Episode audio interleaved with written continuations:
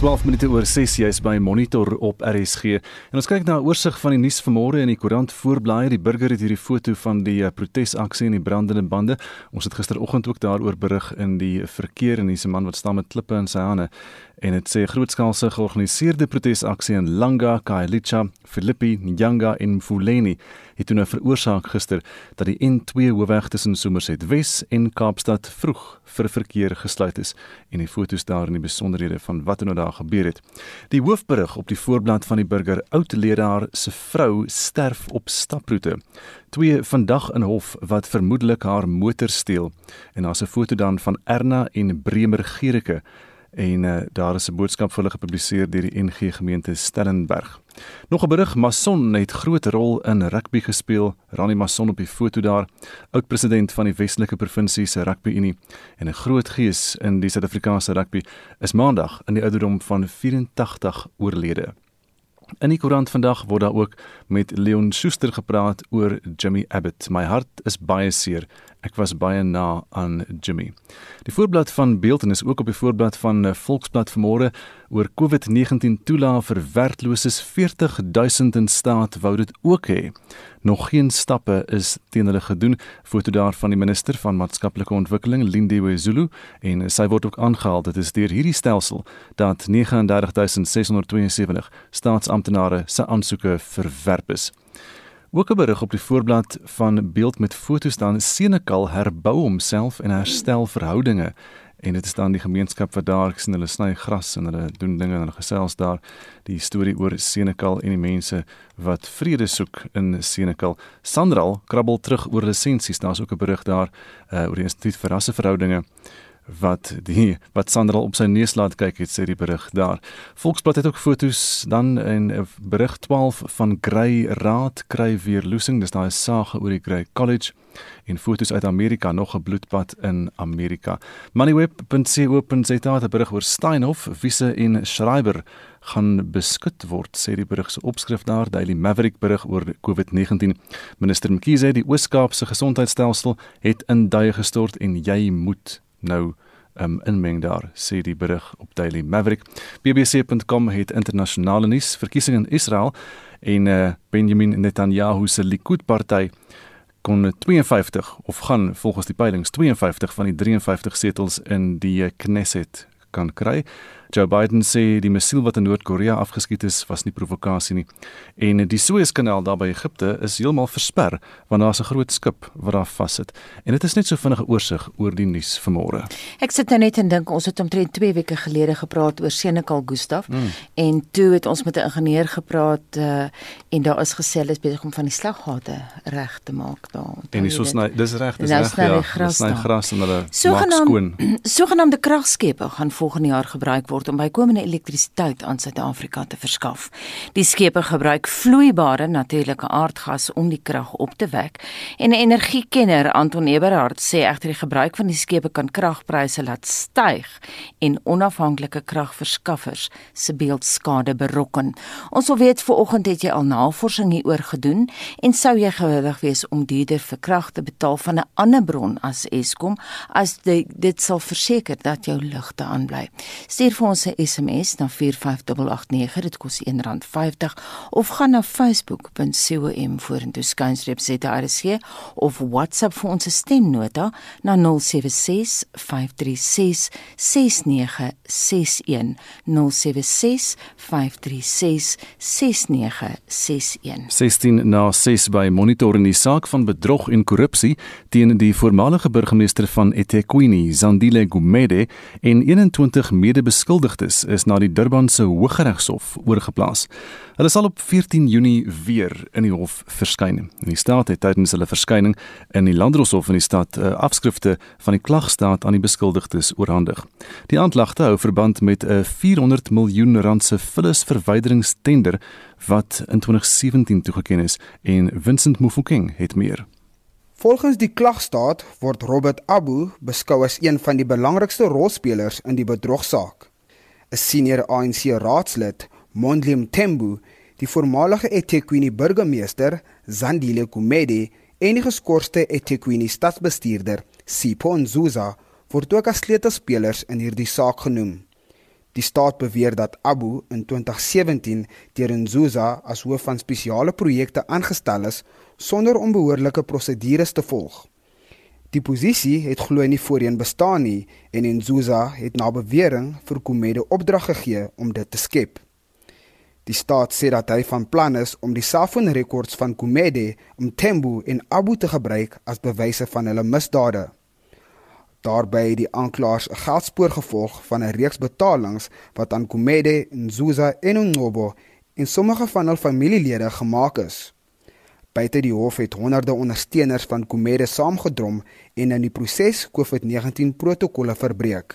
Die woordvoerder van Komede se ondersteuners, Ntando Kuzwayo, This is what we wanted. We wanted an indictment. They maintain their innocence. We maintain the innocence of Umamu Kumete. Umamu Kumete was not an executive mayor, so she wouldn't have given an executive instruction. If you understand how the municipality works, particularly at Teguni municipality, there are structures that are there, there are committees that are there that approve such things. So there's no way that you will find the signature of a mayor in such a, a procurement agreement. So we maintain the innocence in that regard. So we are not worried what is going to come out of the churches. Die voorsitter van die ANC jeugliga in eThekwini, Thembo Ntuli, sê glo dat die aanklagte teen Kumede en ander polities gemotiveer is. Hy sê hulle sal aanhou om haar te ondersteun. We are in support of Comrade Zandile and other comrades that are called in court just because we believe that they don't have got any case up until they are proven otherwise by the court. We strongly suspect that it's politically motivated for any comrade to be taken to court during the course of running the processes of going to the conference of the organization. Landros Don Sumaru het die saak na die Durbanse Hooggeregshof oorgedra vir 'n voorverhoor op 14 Junie. Hulle borgtog is ook verleng. Die verslag van Nonkululeko Thlope in Durban. Ek is Vincent Mufokeng vir SAIK nuus. En nou na 'n heel ander storie, die Wes-Kaapse LER vir landbou en omgewingsake. Ivan Meyer, hy is die provinsiale minister daar en het onlangs besoek afgelê aan volstruisboere in Oudtshoorn en Calitzdorp. Nou die gebied gaan gebuk onder droogte en hy sê die streek vorm deel van sy strategiese prioriteite in die provinsie. Ek het onlangs die volstruisbedryf daar besoek en ook die enigste volstruisnavorsingsplaas in die hele wêreld besoek Hierdie navorsing is ook een van my 5 strategiese prioriteite in die Wes-Kaap. Ek het ook tydens my besoek die 17de jaarlikse volstruisveiling van jaar op Oudtshoorn geopen.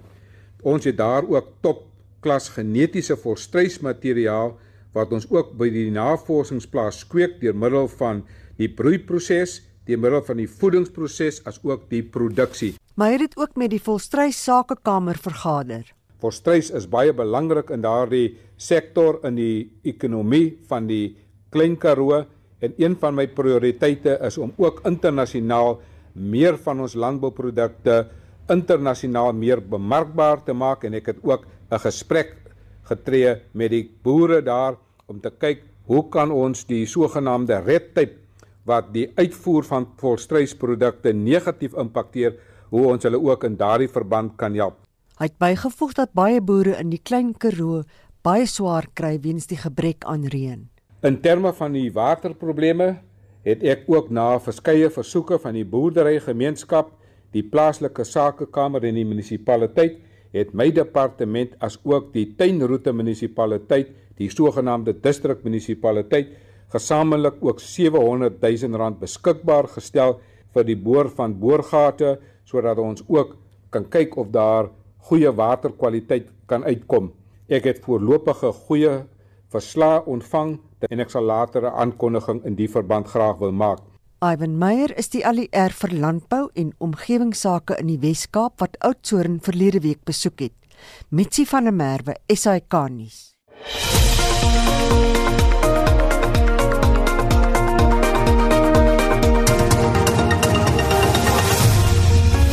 Pad na 27 minute oor 6. Dankie dat jy saamluister na Monitor vanoggend. En die burgerlike organisasie die Daknetwerk sê mense moet bereid wees om te veg vir hulle taal.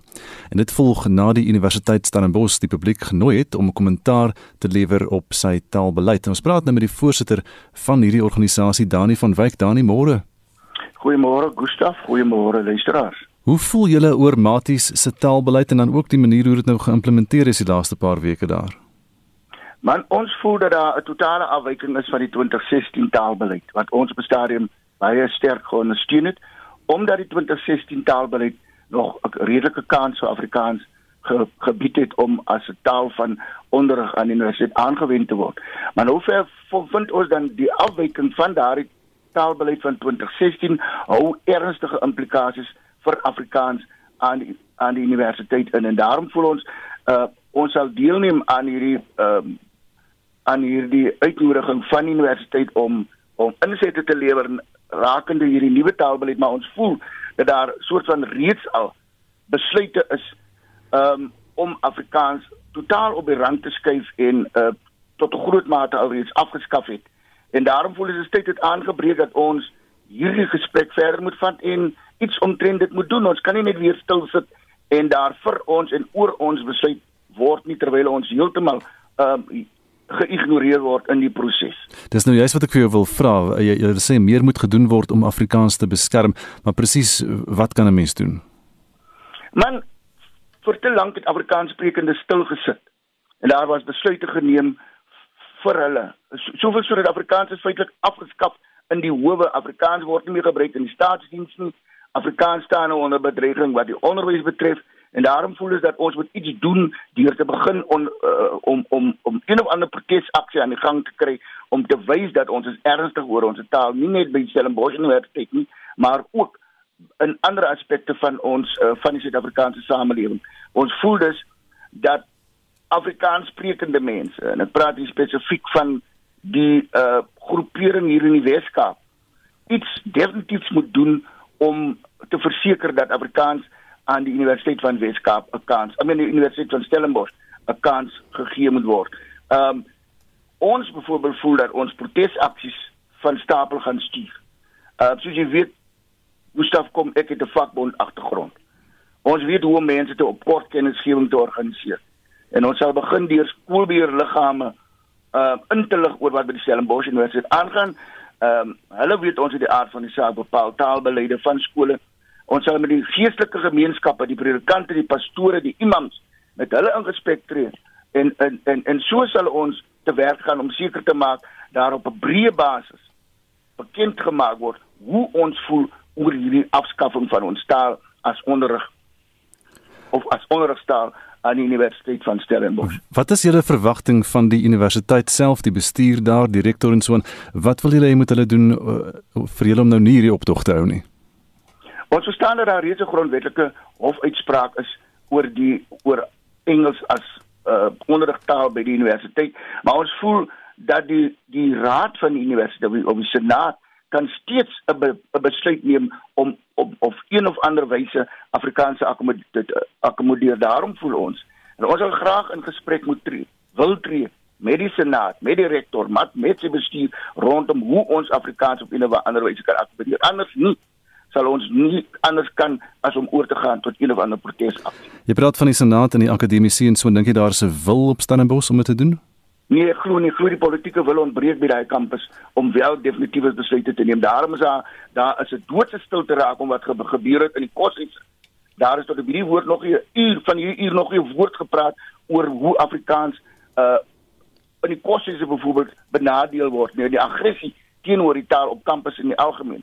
Daarom voel ons van die kant van die van die bestuur, van die kant van die visierektor uh en van die kant van die fisiekanselier moet daar een of ander uitspraak kom waarin hulle sê wat is hulle gevoel en wat is hulle besluite dat dat dat, dat mense nie so in um uh, uh, op die huidige oomblik heeltemal in uh, onsekerheid verkeer oor wat werklik die besluite is van die raad op die kampus. Dani baie dankie interessante storie ons ons hou met op en kyk hoe hy ontvou Dani van Wyk is die voorsitter dan van die dak netwerk. Intussen fokus ons op krag, kragvoorsiening en die pryse daarvan vanoggend Jean.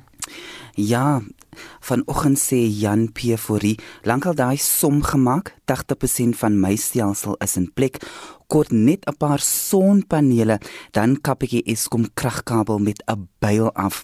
Loukie van Ermelo SMS: Nee, is nie bereid om meer te betaal nie. Waar is al ons sonkrag en windkrag? Nog 'n projek om Skelm se sakke vol te maak.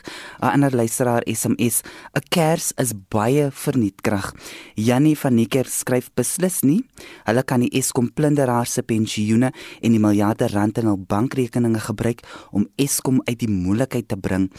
Heinrich Miller sê weer krag word 'n kommoditeit wat net ryk mense kan bekostig en dan Teswell Buke skryf op Facebook die rede hoekom hulle dit doen is om meer ons om ons mense meer afhanklik te maak maak Eskom 'n privaat entiteit en regte bestuur, dan sal ons uit hierdie gemors kom, bestee meer in hernubare energiebronne. Suid-Afrika het oorgenoeg daarvan en nie net geld bestee in leë beloftes nie. Ons wil by jou weet hoe baie navorsing het jy al gedoen oor onafhanklike kragverskaffers en die voor- en nadele daaraan verbonde? Sou jy gewillig wees om duurder vir krag te betaal van 'n ander bron wat nou nie Eskom is nie as hulle kan verseker dat jou ligte sal aanbly? SMS vir ons by 45889. Dis R1.50. Gesels ook saam by facebook.com vorentoe skynstreep ZRSG of stuur 'n WhatsApp stemnota by 0765366961 076 5366961. En dankie vir die SMS wat ingekom het na daardie nommer toe. In KwaZulu-Natal die N2 tussen Aberdeen en Port Shepstone is toe as gevolg van protesaksie. So sterkte as jy op die N2 moet ry daar tussen Aberdeen en Port Shepstone is in die suidkus van KwaZulu-Natal. So 23 minute voor 7 nou en uh, Shaun Jooste het 'n oorsig van die jongste sportnuus. Ons val weg met rugby nuus. Die Suid-Afrikaanse rugby het gister bevestig dat vanjaar se Britse en Ierse leeustoer na Suid-Afrika sal voortgaan. Daar mag dalk 'n paar veranderings aan die skedule gemaak word en of toeskouers toegelaat sal word is nog nie duidelik nie. Die COVID-19 regulasies sal met ter tyd bekend gemaak word. Cricket. India het Engeland gister in die eerste wedstryd van hulle eendagreeks met 66 lopies afgeronsel. Shikhar Dhawan het 98 lopies gemoker met India wat op 317 vir 5 geëindig het. Die debutant snelbouler, Prasad Krishna, het vier paltjies vir 54 lopies laat kantel en Engeland is toe vir 251 uitgeboonder. Na dag 3 van die eerste toets tussen die Windies en Sri Lanka staan die besoekers op 255 vir 4 in hulle tweede beurt en het 'n voorsprong van 153 lopies. Ons vroue Protea span het die derde en laaste wedstryd van hulle T20 reeks teen Indië met 9 paaltjies verloor, maar wen die reeks 2-1. Indië het die teiken van 113 lopies met nog 9 balbeurte oor verbygesteek. Atletiek nuus. Die eerste been van Atletiek Suid-Afrika se uitnodigingsbyeenkoms was gisteraand by die Rymsig Atletiekstadion in Rodepoort gehou. Akane Simbini het die mans 100 meter in 10 sekondes gewen. Antonio Alcana het goud in die mans 110 meter hekkies in 13.69 sekondes verower en Sonet Viljoen het by die laure in die vroue spiesgooi met 'n poging van 58 meter weggestap. Tennis. Die Brit en voormalige wêreldnommer 1 Andy Murray het uit die week se Miami Ope weens 'n liesbesering onttrek. Hy sou vandag in die eerste ronde teen Suid-Afrika se Lloyd Harris te staan kom. Harris, 'n nuwe opponent, is Emilio Nava van die FSA. Op die golfbaan het die plaaslike Jaco Prinsloo die voortou na die eerste ronde van die Serengeti uitnodigingstoernooi geneem en staan op 8 onder. Die groeperings vir die Wêreldbytjiespelkampioenskappe by die Austin Buiteklub in Texas is bekend gemaak. Suid-Afrika se Louis Oosthuizen het die wêreldnommer 2 van Amerika Justin Thomas in sy groep. Christian Besaidnout is saam met nog 'n Amerikaner Patrick Reed geplaas. Erik van Rooyen het onder andere vir Harris English van Engeland vir geselskap en Dylan Fratelli het drie Amerikaners in sy groep, een van hulle Tony Finau. Die Amerikaner Kevin Kisner is die verdedigende kampioen. En laastens in fietsrynuus. Rowan Dennis van Australië het gister se tweede skof van die toer deur Katalonië, 'n individuele tydtoets in 22 minute en 27 sekondes gewen. Die Portugees João Almeida is nou die algehele voorloper. Suid-Afrika se Stefan de Botte 7de, Darryl MP 20ste, Louis Mentjes 112de en Reinhard Janse van Rensburg 118de. Shaun Schuster, SAK Sport.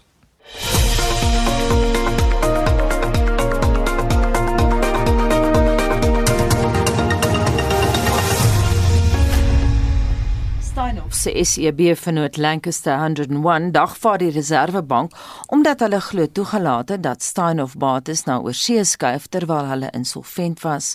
Die joernalis Jan Cronje skryf in Fin24 dat 50% van Lancaster 101 deur die pensioenfonds vir staatsamptenare besit word. A company called Lancaster 101 has recently um, lodged papers in the North Gauteng High Court against the South African Reserve Bank. Lancaster 101 is a BEE partner of Steinhoff. It goes back a couple of years. Its chairperson is someone called Jayendra Naidu, and it was Naidu who wrote the affidavit in the court papers that were lodged recently. In hierdie stadium het Steinhoff en die Reserwebank aangedui dat hulle die regsaksie sal teenstaan. Lancaster 101 wil hê dat die Hooggeregshof op twee aspekte moet fokus. And it wants the court to rule that back in 2014 when Steinhoff was engaged in a restructuring the Reserve Bank wrongly gave approval for Steinhoff to move its registration from South Africa overseas and to list on the Frankfurt Stock Exchange. Steinhoff se aandeleprys het in laat 2017 met sowat 95% gedaal. Die maatskappy se voormalige uitvoerende hoof, Marcus Jooste, het kort daarna bedank. Steinhoff het in 2020 'n skikking voorgestel dat alle eise in een proses afgehandel word maar die eisers voer aan dat hulle nie die Steinhoff aandele sou gekoop het as die ware feite bekend was nie. Steinhoff has tallied up the total claims that everyone around about 100 lawsuits are asking for and it comes to far more than it says it can afford to pay. So what it has proposed is a settlement offer where people get a percentage of their claims paid out. And in return for that, they essentially promise that they will not continue with legal action against Steinhoff. A Lancaster 101 owned Steinhoff shares, and it is one of the companies that has lodged claims against Steinhoff. So it would be paid out under the settlement proposal like everybody else. A bit complicated. There are different classes of claimants, not everyone gets the same rate, but basically Lancaster would be paid out something, but it is saying it will be paid out too little. Volgens Cronje glo Lancaster 101 dat hy meer geld sal kry as die hof in sy guns teen die Reserwebank beslis. Jahendra Naidu wat die saak teen die Reserwebank maak, was tot Februarie vanjaar nog die voorsitter van die Suid-Afrikaanse maatskappy Pepkor waarvan Steinhoff die meerderheid aandele besit.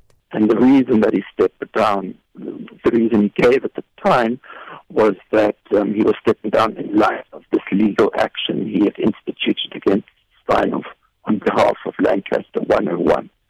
In any case, Naidu uh, told me and my colleague Karen Morn that PEPCOR is not the driving force behind this global settlement proposal. So it's not the case, in his view, but he was involved in giving the green light for the proposal and is now criticizing it.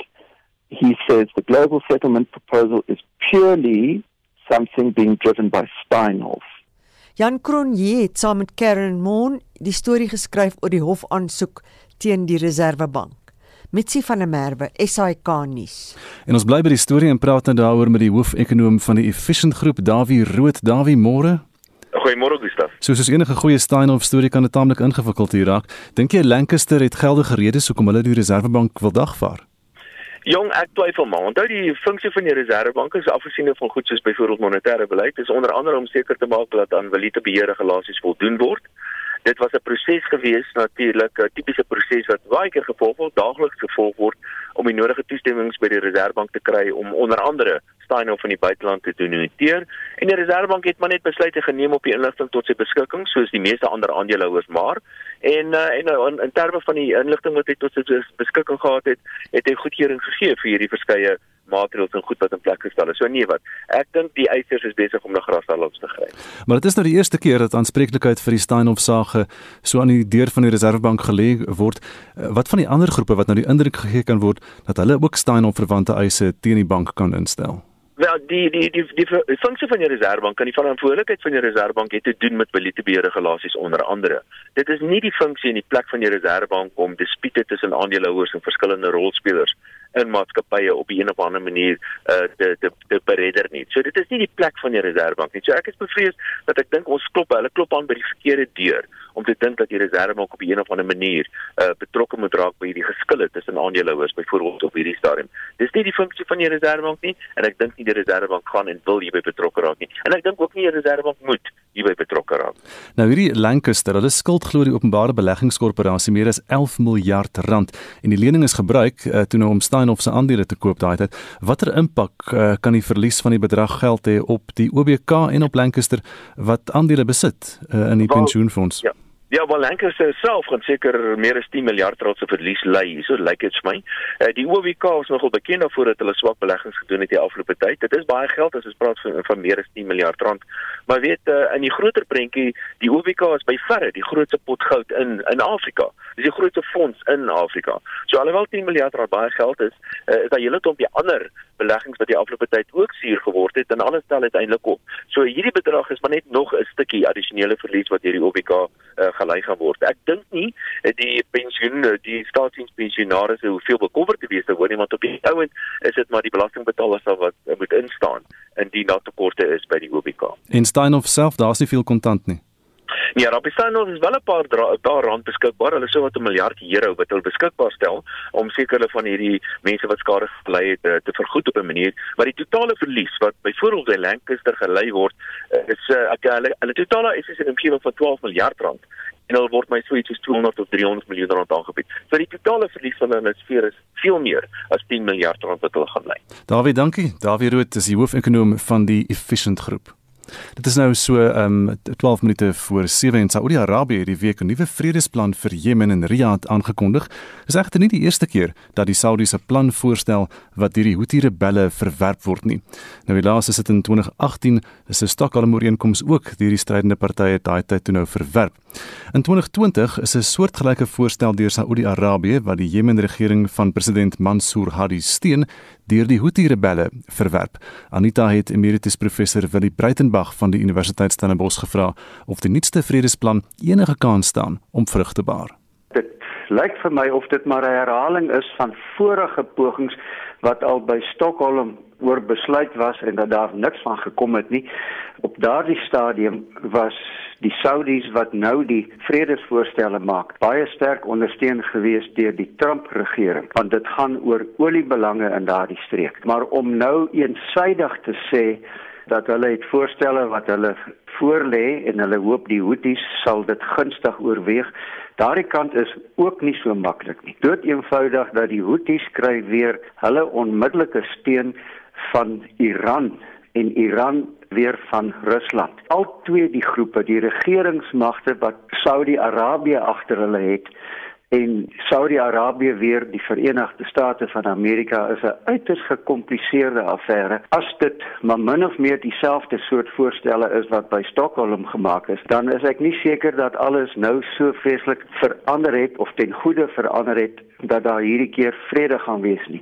Ten minste weet ons dat een van die groot rolspelers in die wêreld, naamlik die Biden administrasie, het ook alreeds gesê dat hulle beskou die konflik in die Midde-Ooste hier spesifiek die ene in Jemen as 'n groot bedreiging vir die stabiliteit van daardie gedeelte van die wêreld. Tot eenvoudig omdat dit op die olieroetes is hmm. en Jemen self het nie olie nie, maar hy lê op die olieroete. In die opsig is die hawe stede baie belangrik. Die ene in die Rooisee gebied se naam is Hodeida.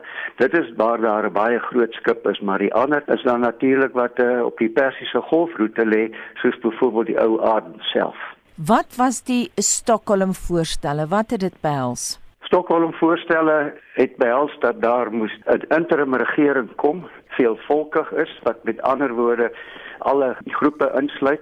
En in die geval van Jemen praat ons van die twee godsdienstgroeperings wat in 'n groot mate is die konflik in Jemen 'n godsdienstkonflik. Dit is die Sunnis wat die steun van Saudi-Arabië het teenoor die Houthis wat weer Shiite is. Dit is hoekom hulle dan die steun kry van die grootste Shiitiese moondheid in die wêreld en dit spesifiek is Iran of dit nou hierdie keer makliker gaan uitwerk omdat een van die groot borgers vir hierdie oorlog, naamlik die Verenigde State, vredesplanne probeer deurvoer daar. Mens moet nog maar sien of dit die Houthis gaan tevrede maak veral wat die masdelende infaseringsfase is wat waarskynlik deel van hierdie nuwe planne vorm. Mens sal ook moet bestudeer presies wat die Houthis sê en die Houthis het nog nie hierop gereageer om te sê dat hulle gaan hierdie keer meer gereedelik probeer onderhandel nie want hulle het in die verlede maar toe daar niks van gekom nie. Dus die prognose op hierdie stadium is aan die een kant tog hoopvol, maar aan die ander kant moet 'n mens nie te hoë verwagtinge hê nie. Nou die Houthis is al sedert 2014 in beheer van Sanaa en ek verstaan ook van die noordelike hooglandgebiede. Waar is hulle nog in beheer in Jemen? Wel, hulle uh, groot ondersteuning was ook aan die oostelike gedeeltes die wat aangrensend is aan die kusgebied wat sê nou maar die Rooi See verbind met die Golf van Aden. Dit is daar waar die groot hawe stad Aden geleë is. Daar staan hulle nogal sterk, maar hulle het nie 'n spesifieke grondgebied. Daar is nie 'n ding soos Shiitiese tuisland byvoorbeeld nie. Dit is 'n land met die twee gemengde godsdienstgroepe, die Sunnis en die Shiite dit is daarom verblydend dat daar tog nou weer pogings aangewend gaan word om 'n soort van 'n Stockholm 2 daar te bring, maar die een ding wat nou baie sterk staan of uitstaan hier is naamlik die geval van waar die Verenigde State van Amerika nou beslis hier aangekom het met 'n vredesvlag en gesê het ons moet nou weer opnuut kyk na vrede in die gebied. En dit is die Biden administrasie wat toe Biden aan die bewind gekom het, het hy gesê hy gaan probeer om vrede te maak ook in hierdie gebied en hierdie lyk vir my se uitvloeisel daarvan. Professor Willie Breitenberg van die Universiteit Stellenbosch en Anita het daardie onderhoud met hom gevoer. Ons bly by internasionale nuus. Nou die Europese Unie, die FSA, Kanada en Brittanje het die week aangekondig dat hulle 'n gekoördineerde pakket getekende sanksies teen vier Chinese regeringsamptenare gaan instel. Dis die eerste keer sedert die Tiananmen politieke opstand van 1989 dat Kanada sanksies instel teen China. Die beweegrede is die Chinese se hantering van die Moslem-Oeigoer gemeenskap in Noordwes China. Die Weste kla China aan van menseregte vergrype wat ten sterkste deur Beijing ontken word. Nou Anita het Dr Kobus van Staden van die Suid-Afrikaanse Instituut vir Internasionale Verhoudings gevra watter nut die sanksies sal hê. Die sanksies gaan waarskynlik meer van 'n simboliese impak hê, maar dit is 'n belangrike simboliese impak. Jy weet in die sin dat ek dink die Chinese regering is baie sensitief vir hierdie tipe sanksies. Die feit dat dit kom van al die verskillende lande te gelyk lyk asof dit deel is van die Biden administrasie se pogings om hulle verhoudinge met hulle tradisionele bondgenote te versterk. Jy weet na die Trump era. Ek kan my indink dat dit is waarskynlik weet waar die die gekoördineerdheid daarvan vandaan kom. Jy is nou iemand wat China baie nou moniteer en so aan. Wat kan ons nou van die Chinese verwag? Wat gaan hulle reaksie wees?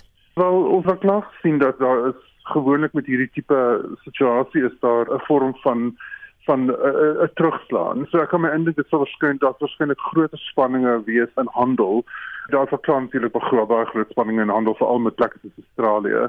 Daar's ook die gevaar dink ek dat ander partye ingetrek kan word in soos wat Jy weet tevore dat weet hierdie week sien ons die verhoor van twee Kanadese diplomate in China wat aangehou word basies uit wraak maar die Kanadese gewerk het saam met die Trump administrasie om die finansiële hoof van Huawei te arresteer 'n paar jaar gelede.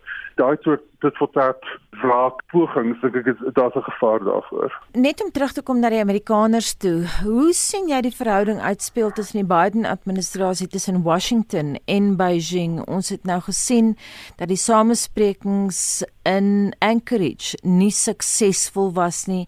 Die Chinese het gekla oor die Amerikaners se onvriendelike houding. Hulle het verwys na die die temperatuur in 'n uh, emosionele temperatuur soortgelyk aan Alaska se. Dink jy daardie verhouding kan stabiliseer? Ek dink wat ons gesien het in Anchorage is dat die twee dink baie verskillend oor hulle huidige situasie. Ek dink China sien homself, China is die tweede wêreld se tweede grootste ekonomie, besmoontlik afhangend van hoe jy dit tel, is hulle al klaar in sekere opsig vir die wêreld se grootste. So hulle dink aan hulle self as 'n uh, belangrike speler wat graag wil deelneem en op 'n gelyke vlak graag wil deelneem om norme te stel. Die Amerikaners dink ek dink nog baie aan China as 'n as iemand wat norme aanvaar, nie as 'n supermoondheid nie. Die so van die Anchorage gesprekke het daai twee baie duidelik gemaak. So jy weet hulle is op op 'n soort van 'n breekpunt waar hulle een of ander vorm van nuwe vorm van samewerking moet kry. Ek dink China, veral onder Xi Jinping, is minder geneig om eenvoudig wêreldstandaarde vir homself te aanvaar. Ek dink hy meer en meer wil hy nuwe standaarde maak. En die sisteem daarvan Dr Kobus van Staden van die Suid-Afrikaanse Instituut vir Internasionale Verhoudings. En van China terug na Suid-Afrika, die Departement van Basiese Onderwys sê hulle die presidensiële jeugindiensneming stimulus inisiatief suksesvol geïmplementeer. Die inisiatief is in Desember verlede jaar geloods. Vincent Mofokeng het die besonderhede. Die woordvoerder van die Departement van Onderwys, Elijah Mhlanga, sê hulle kon meer as 25000 skoolbeheerliggaamposte in openbare en owerheidsgesubsidieerde onafhanklike skole red. Hierdie poste was bedreig weens skole se finansiële nood na ouers nie skoolgeld kon betaal nie weens die impak van COVID-19. The Department of Basic Education has successfully implemented the presidential stimulus program which we called the Basic Education Employment Initiative in the sector It started in December 2020. It has been running from then and it's going to end at the end of March. We want to use this opportunity to thank those that participated. There were over 800,000 applicants at the time when it was announced at the recruitment phase. Intussen het die basiese onderwyssektor werksgeleenthede geskep vir meer as 300 000 onderwysassistente tussen die ouderdom van 18 en 35 we could only accommodate 300,000 young people. 200,000 of them were education assistants, and 100,000 of them were general assistants. They worked in schools to create capacity that the system needed as a result of the pressure put on us by the coronavirus. It was also a COVID relief initiative aimed at creating opportunities for young people who obtained training and skills in various fields. Dit was Elijah Mhlanga, die woordvoerder van die departement van basiese onderwys, Vincent Mufokeng. Esai Garnis. Intussen het ons nog terugvoer van die luisteraars Jean. Ja, Jan Oberholzer sê ons is op volle sonkrag op die plaas. Sê meer Walters van Gouda SMS. Ons het 'n reuse windplaas by Gouda, maar dit help ons niks as die krag af is nie. Ja, ek sal duurder vir krag betaal van 'n ander bron. Stefanus de Toey sê weer: "Nee, hierdie skepe maak ook niemand maak ook iemand se beursies vol. Skielik is daar ook geld vir kontrakte.